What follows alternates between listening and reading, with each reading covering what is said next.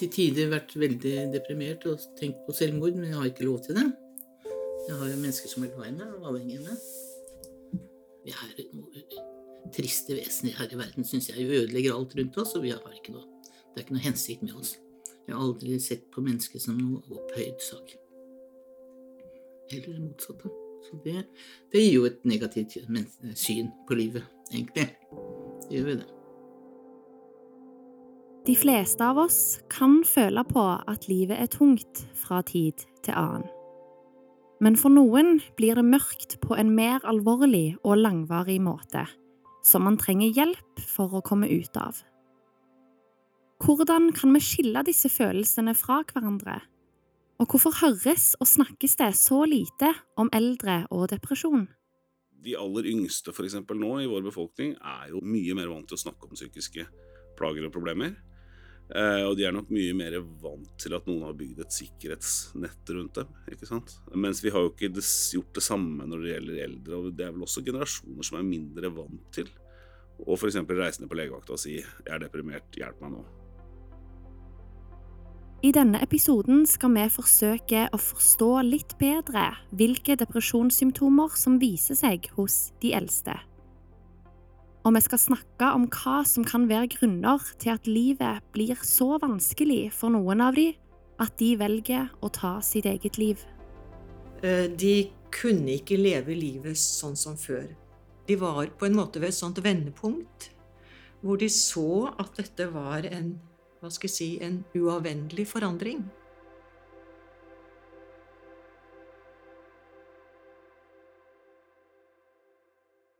Du vet Det rare er at jeg Jeg vet ikke når jeg er deprimert. Jeg kjenner ikke efter.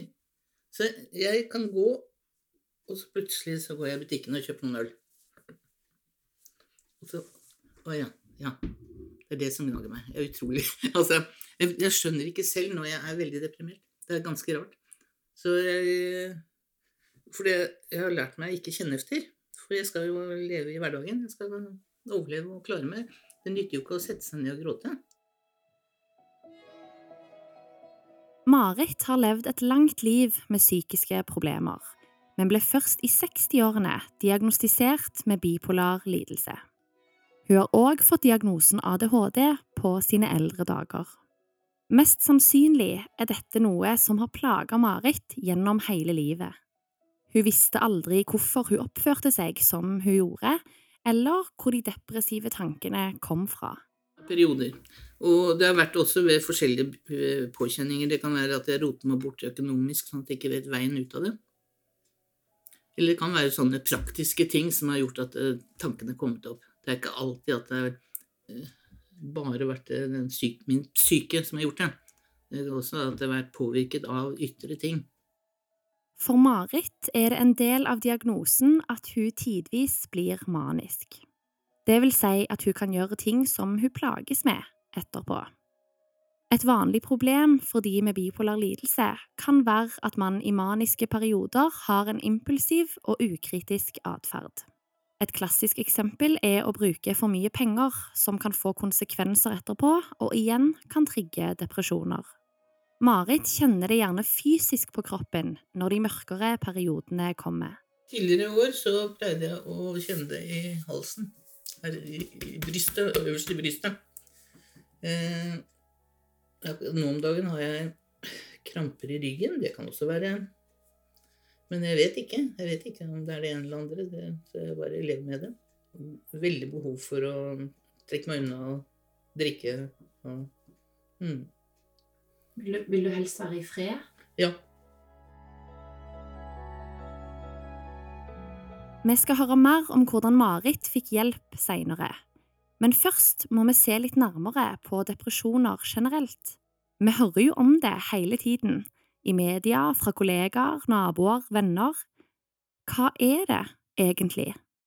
Depresjon psykisk, som psykisk lidelse er jo både veldig lett og veldig vanskelig på en måte. Fredrik Valby er psykologspesialist og leder et forskningsprosjekt som kartlegger selvmord i psykisk helsevern i Norge. Det er en av de vanligste mm, psykiske problemene eller psykiatriske tilstandene i alle deler av befolkningen, eh, og absolutt også eh, veldig viktig hos eldre. Eh, og så forekommer depresjon både at det forekommer hyppig, men det forekommer også i et veldig bredt spekter av alvorlighetsgrader. Sånn at eh, de mildeste depresjonene de er knapt nok å skille fra sånn som vi alle har det eh, innimellom. Eh, og så har du på en måte en hel skala opp til det som er liksom åpenbar, veldig alvorlig, veldig akutt sykdom. Valby er opptatt av at vi skal snakke om depresjon på riktig måte, og ikke vanne ut begrepet. Da vil det bli lettere å hjelpe de som faktisk har diagnosen. For å kunne skille en depresjon som kan og bør behandles, fra noe som er mer en tung periode i livet, er det flere faktorer som spiller inn. Jeg, tror det enkleste, egentlig, og noe av det viktigste, og måten å skille på, er å se på varigheten. Hvis det skjer noe trist i livet ditt, ehm, så, og at du er lei deg den dagen og dagen etterpå, og kanskje noen dager etterpå, det er sånn vi mennesker er og skal være, og det er helt normalt. Så varigheten eh, Diagnosekriteriene sier at det skal være over mesteparten av tiden over to uker. Så det betyr jo også at hvis man har et vanskelig liv, masse stress, mye kanskje negative ting som skjer, at man da syns at det er slitsomt og krevende innimellom, og at det er vanskelig, eh, det betyr nødvendigvis ikke at man er deprimert. Tap av energi over tid er òg en klassisk faktor når man er klinisk deprimert.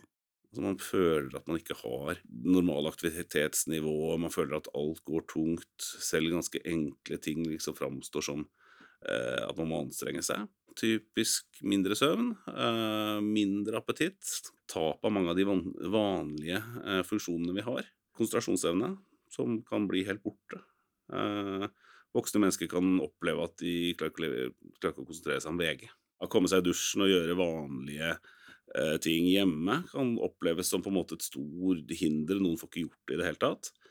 Um, og så kan man gjerne føle at altså det mangler evnen til å føle glede. da. Uh, hvor ting som ellers man hadde satt stor pris på, reagerer man ikke på samme måte på. Det kan være kontakt med andre, uh, det kan være lystbetonte aktiviteter, det kan være et morsomt TV-program eksempel, som, som, man vanligvis setter stor pris på, som liksom bare betyr ingenting. Altså den flatheten. Og det er noe annet enn vanlig tristhet. En tredje faktor som kan gjenkjennes hos de som er alvorlig deprimerte, er det Valby kaller håpløshetsfølelsen. Altså Én ting er at man har det ille nå, men hvis den håpløshetsfølelsen blir for sterk, og at man tenker at dette er sånn, og dette kan jeg aldri gjøre noe med, dette kommer aldri til å gå over, så er det noe som er vist ganske tydelig at også øker eh, selvmordsfaren. Det å se etter endringer eh, tenker jeg er noe av nøkkelen. Hvis man brått endrer seg, eh, blir trist, ukonsentrert, mangler energi, og da med eller uten noe kjent grunn, så bør man jo absolutt utrede for om dette er en, en depressiv tilstand.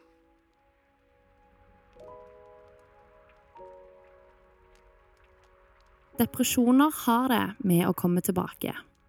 Har du hatt én depressiv periode, øker sjansen for å få det igjen.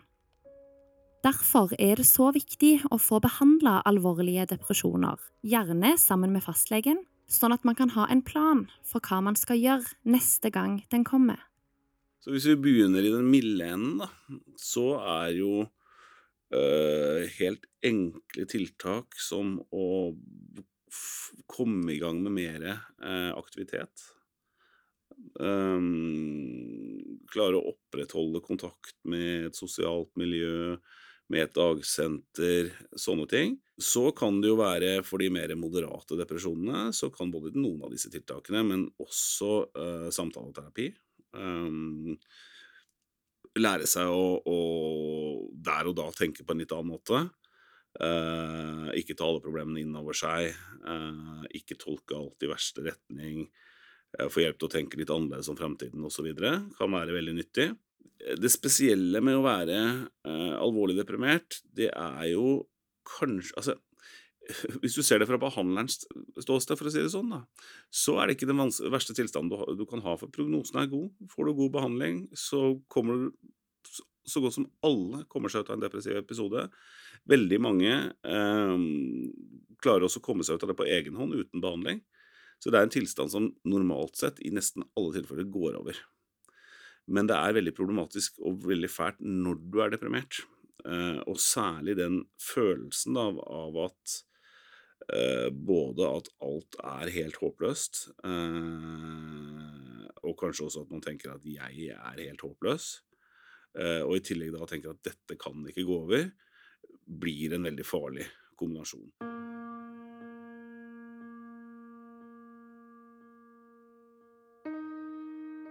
Denne episoden handler om alvorlig depresjon og om selvmord. Først må det understrekes at det ikke er sånn at eldre nødvendigvis er mer deprimerte eller utsatt for selvmordsfare enn andre aldersgrupper, men av rundt 600–700 selvmord i Norge i året begås kanskje 100 av disse av de over 65 år. Disse hører vi ikke mye om, og i denne episoden ønsker vi å sette lys på eldre som sliter med depresjon og suicidalitet. Depresjoner, og da spesielt de som ikke blir oppdaga, er en av de farligste faktorene til å ta sitt eget liv. Men det er flere faktorer som òg kan spille inn. Lege og forfatter av boken Eldre og selvmord, Ildrid Kjølseth, har forsøkt å forstå årsakssammenhenger som ligger bak selvmordshandlinger hos de eldste. Vi har jobbet i mange år på sykehus, og i perioder så kom det inn eh, ikke så få eldre som hadde gjort alvorlige selvmordsforsøk. Kjølseth, som er geriater, altså en lege som er spesialist på eldre mennesker, stussa over hva slags pasienter det var hun tok imot etter selvmordsforsøk. De var liksom ikke sånn som hun hadde forestilt seg de. Så, så stemte de liksom ikke med det bildet. Så jeg begynte å undre meg over hvorfor eldre mennesker i Norge, hvor for så vidt samfunnsforhold, trygghet kanskje i alderdommen, burde være bra, at eh, gamle mennesker allikevel vi valgte denne utgangen på livet i høy alder. Gjennom et kvalitativt forskningsarbeid intervjua Kjølseth pårørende og helsepersonell til personer som hadde begått selvmord. Da så hun flere interessante fellestrekk, blant annet at mange hadde måttet klare seg sjøl fra tidlig alder, og de hadde levd ganske strevsomme liv. Og de hadde opplevd, vil jeg si, de, de hadde opplevd store tap tidlig. De, mange av de flere hadde mistet eh, foreldre. Eh, gjennom liv, voksenlivet så hadde de også hatt eh, belastninger, tap av partner, sykdom, mange ting. Men det som var felles for dem, og veldig tydelig, var at de hadde, de hadde klart seg. De hadde mestret disse belastningene tidligere i livet. Når de møtte kriser, belastninger i livet, så taklet de disse påkjenningene ved å handle og være aktive. Slik at, jeg, at, det kom frem på en måte at de hadde en slags, eller en mestringsstrategi som gikk ut på å, ja, å handle. Være selvbestemmende og på en måte kontrollere situasjonen selv. Så det var veldig tydelig. Det Kjølseth så, som var felles for alle, var at det hadde inntrådt noe nytt i livet deres, veldig ofte sykdom. Ikke nødvendigvis noe livsfarlig, men det kunne for eksempel være en sykdom som på en eller annen måte førte til en funksjonssvikt i kroppen. De kunne ikke leve livet sånn som før.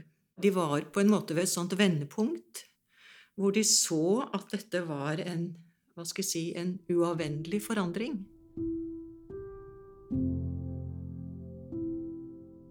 Undersøkelsen viste òg eksempler på at det kunne være mindre alvorlige ting som ble utløsende. Det var en gammel mann som hadde vært en sånn typisk representant for, for den gruppen som jeg nå har presentert. Og han hadde en eh, sånn kolonihytte eh, med da den lille haveflekken til. Og hvor han alltid hadde det hadde vært den fineste hagen i hele kolonien. ikke sant? Og han, dette var hans uh, store interesse.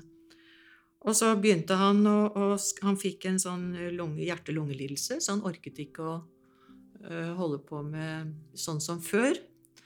Uh, Og den sommeren så forsøkte pårørende, kona og og barna å si at ja, men du trenger jo ikke Det er ikke nødvendig å ha det så fint, ikke sant?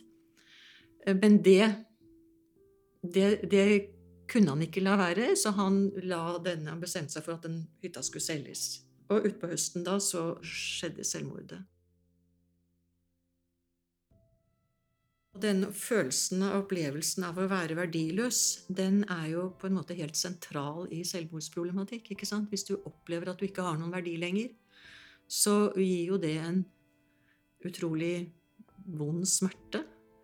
Eh, som, og jeg tenker at dette er noe av kjernen i problematikken når det gjelder de eldres eh, selvmordsatferd.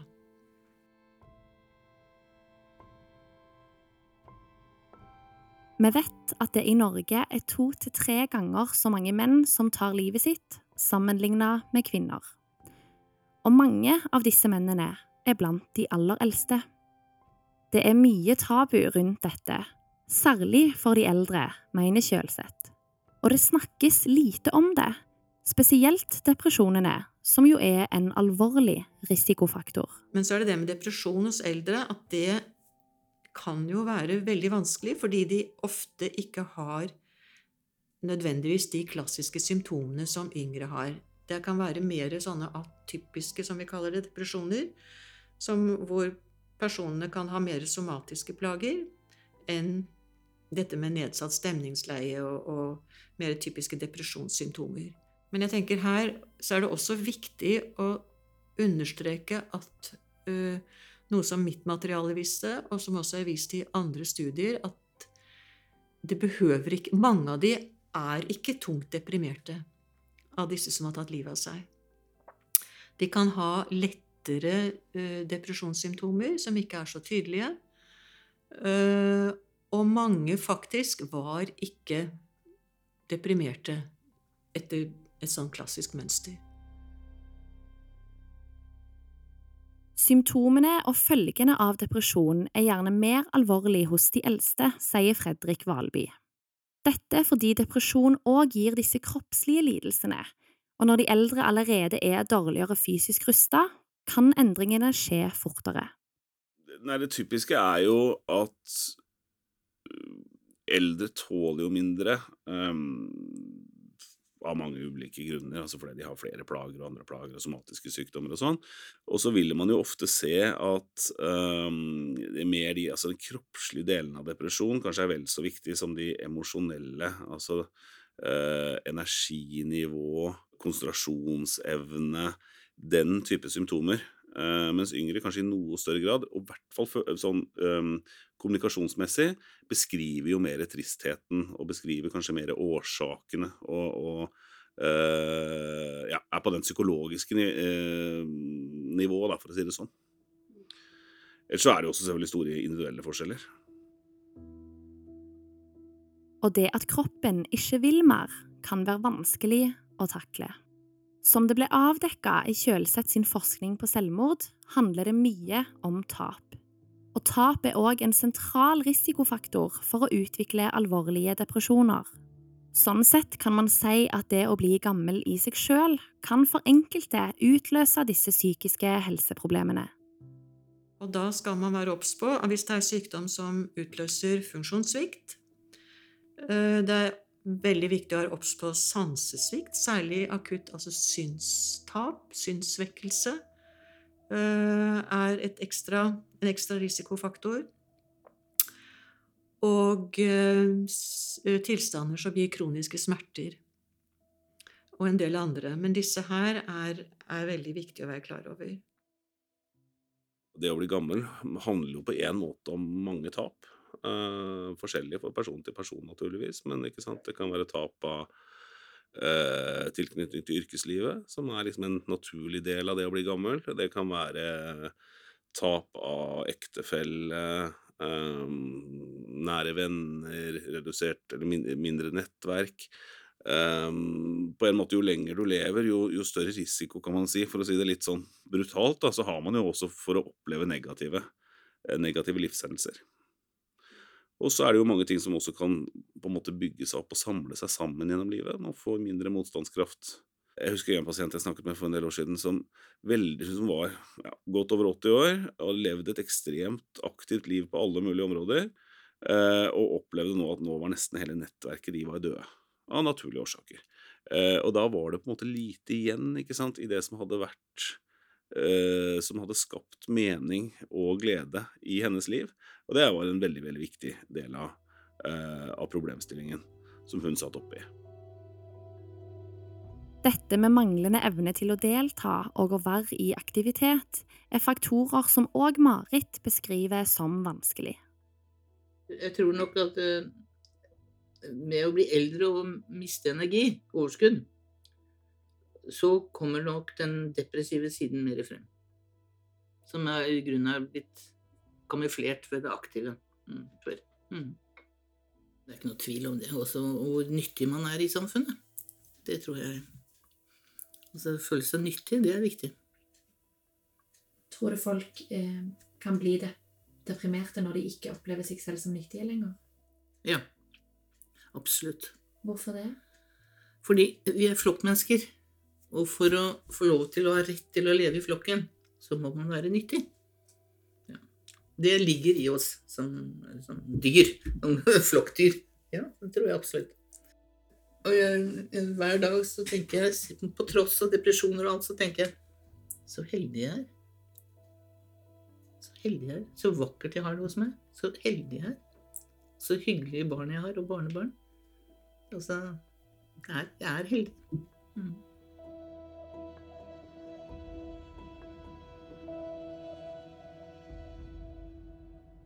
En annen grunn til at det er viktig å ta depresjoner og selvmordstanker på alvor hos de eldre, er at de, ifølge forskning, er mer endelige når de først bestemmer seg.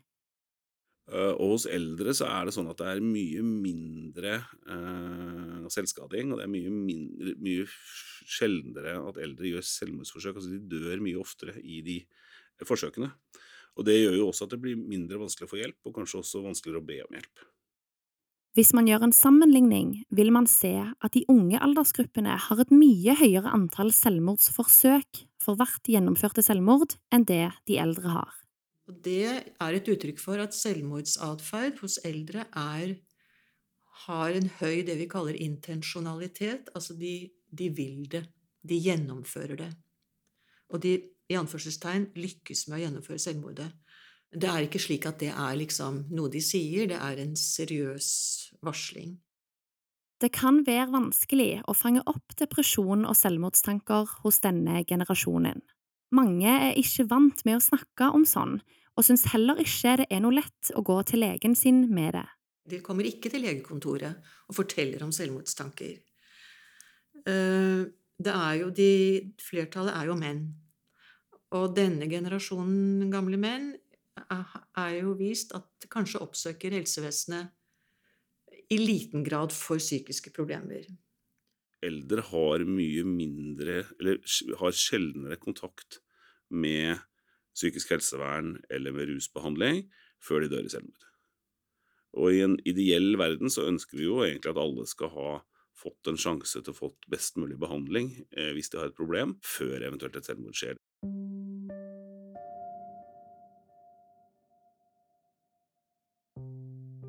For å forebygge de livsfarlige depresjonene er både Valby og Kjølseth enige i at det er noe som er viktigere enn alt annet, nemlig at man må sette seg ned og tørre å ta samtalen, enten man er helsepersonell eller pårørende. Eh, om det er slik, og det er ikke farlig å spørre om vedkommende, om det er slik at du går Du kan jo nærme deg det gradvis, men men etter hvert eh, spørre direkte om vedkommende har hatt eller har hatt selvmordstanker eller slike tanker. Og så, eh, så må du våge å kunne sitte der og ta imot et eventuelt positivt svar. Jeg opplever nok det igjen og igjen at også helse, mye helsepersonell kan bli veldig bekymret øh, hvis noen brukere har selvmordstanker. Man kan gå i to feller her. Det ene er at man blir overdrevet bekymret øh, og bare handler på pasientens vegne uten å, uten å egentlig kartlegge hva som er lurt å gjøre. Eller man kan bli også veldig eh, avvisende fordi man er bekymret for hva dette eventuelt vil føre til, og at det kanskje blir verre hvis man snakker om det. Valby sier at det selv i spesialisthelsetjenesten er vanskelig med riktig diagnostisering av depresjon. Han tror at det fort kan gå begge veier, både at depressive plager blir oversett, men òg at man oppfatter andre psykiske plager som uttrykk for en depresjon.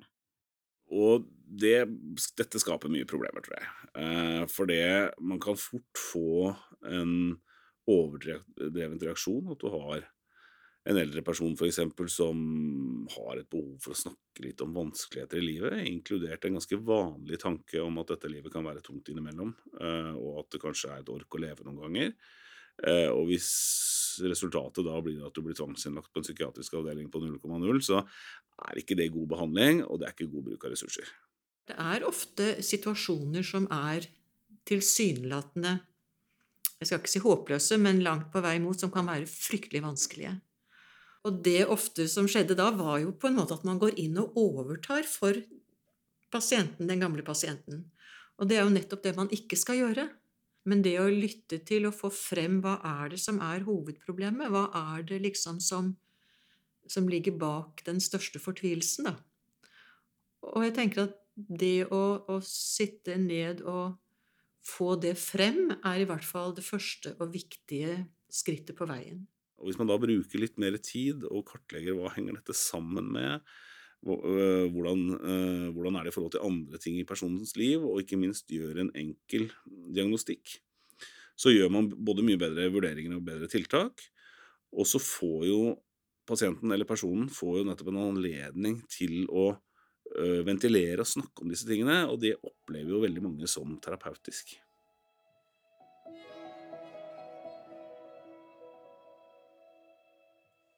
For noen kan denne følelsen av å bli tatt på alvor være avgjørende.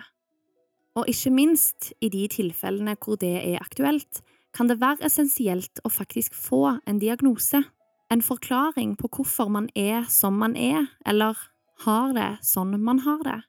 Det er først som voksen, gammel dame, at jeg fikk diagnosen eh, ADHD. Og den satt langt inne. Jeg var også En gang så prøvde jeg å få den, og da sa de de kan ikke skille mellom depresjoner og ADHD. Det var svaret fint. Hadde Har det vært lettere for deg å få en diagnose for å skjønne Ja, absolutt. Fordi jeg bare trodde jeg hadde vært en tulling. og ikke sett uh, gode ting med det. Bare hvordan jeg snublet i ting. Konkurs en gang, eller altså Hvordan jeg har um, også Så jeg ser jo det at um, at uh, det gir meg ikke noe unnskyldning, men det gir en forklaring på enkelte ting. Og det syns jeg å se bakover på, som, som, gjør at jeg da forsoner jeg meg litt mer med min fortid. Så, mm. Så jeg syns absolutt det. At, uh, jeg syns det er dårlig gjort at jeg ikke fikk diagnosen tidligere, men mm. Jeg vet ikke hvor lenge jeg har hatt den diagnosen nå. Jeg husker ikke. Ti år? Jeg vet ikke. Og da er det jo ganske seint i livet. Da var du over 60 år. Ja. Mm.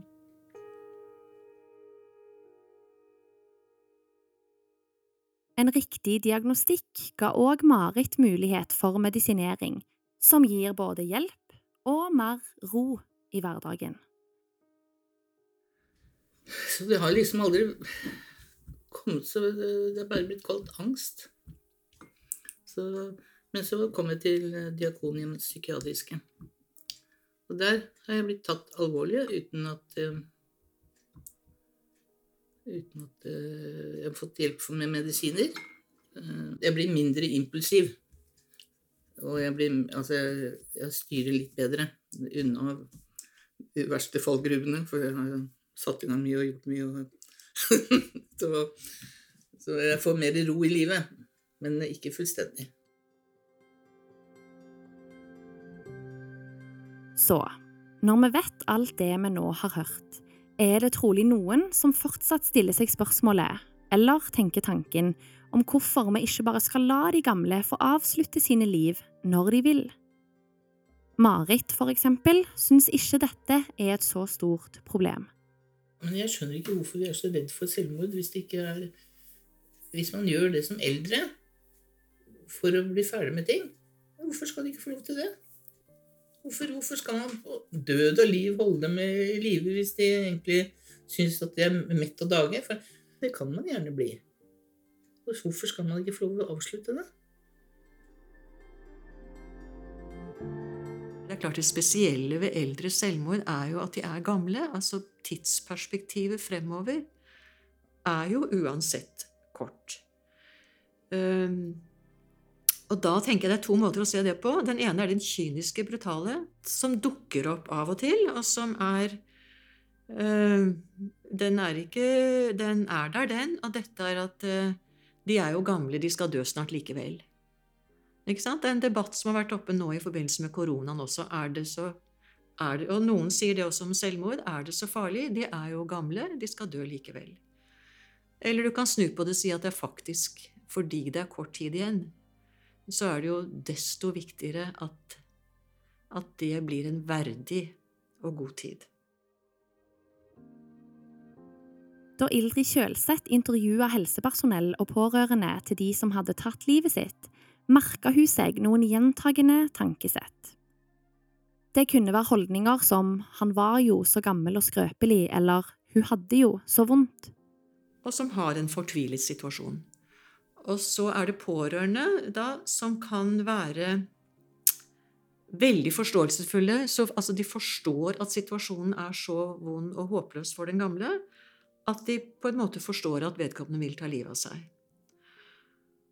Og da tenker jeg at det de formidler da Da har du et gammelt menneske som føler seg verdiløs, og som har en utrolig vond smerte på grunn av den opplevelsen av verdiløshet. Og så formidler du det ut til omgivelsene, og så får du en slags Og når de forstår det, så får du en slags sånn bekreftelse på at, at du er Ja, du er ikke verdt noe. Det livet ditt er ikke verdt noe. Du skal ha forståelse. Det er veldig viktig å forstå den fortvilte situasjonen det gamle mennesket er i. Å, du må ha forståelse for å kunne hjelpe. Men det er noe annet enn aksept. Det betyr ikke at du skal akseptere det. For hvis du aksepterer det, så er du inne i den. Da har du akseptert at det livet ikke er noe verdt. Kjølseth vil her at vi skal snu på det. Si at jo, du er faktisk verdt noe, selv i den situasjonen du er i nå, hvor livet ikke har et så langt perspektiv. Selv om du ikke klarer å være like produktiv som tidligere i livet. De vi beundrer, idealene, er jo da, som jeg pleier å si, det er 90-åringen som går birkebein i renn, ikke sant, og som da helst, samfunnsmessig og økonomisk også, dør pang og ikke belaster helsevesenet. Men det kommer jo en fase, hvis man lever så lenge, så kommer det en fase for oss alle hvor, hvor vi ikke opprettholder den Hva skal jeg si Det nivået, det aktivitetsnivået når eldre mennesker velger å ta sine liv i vårt samfunn, som burde ha liksom, Om noe samfunn burde være i stand til å skape en god og trygg alderdom, så burde det være oss. Uh, og, og, ved en høy selvmordshyppighet hos gamle, så er jo det da, det da viser du på en måte for de som kommer etter, at jo, det er skummelt å bli gammel. Det er faktisk Se de ta livet av seg. Er det så forferdelig å bli gammel? Så jeg tenker det, det har jo Det viser noe. Også til yngre generasjoner.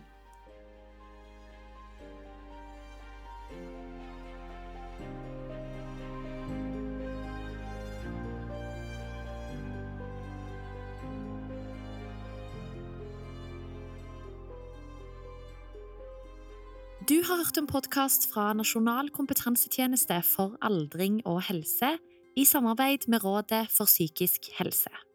Intervju, manus og fortellerstemme ved Karoline Marie Enoksen. Manuskonsulent Ellen Borge Christoffersen. Podkasten er finansiert av Stiftelsen DAM.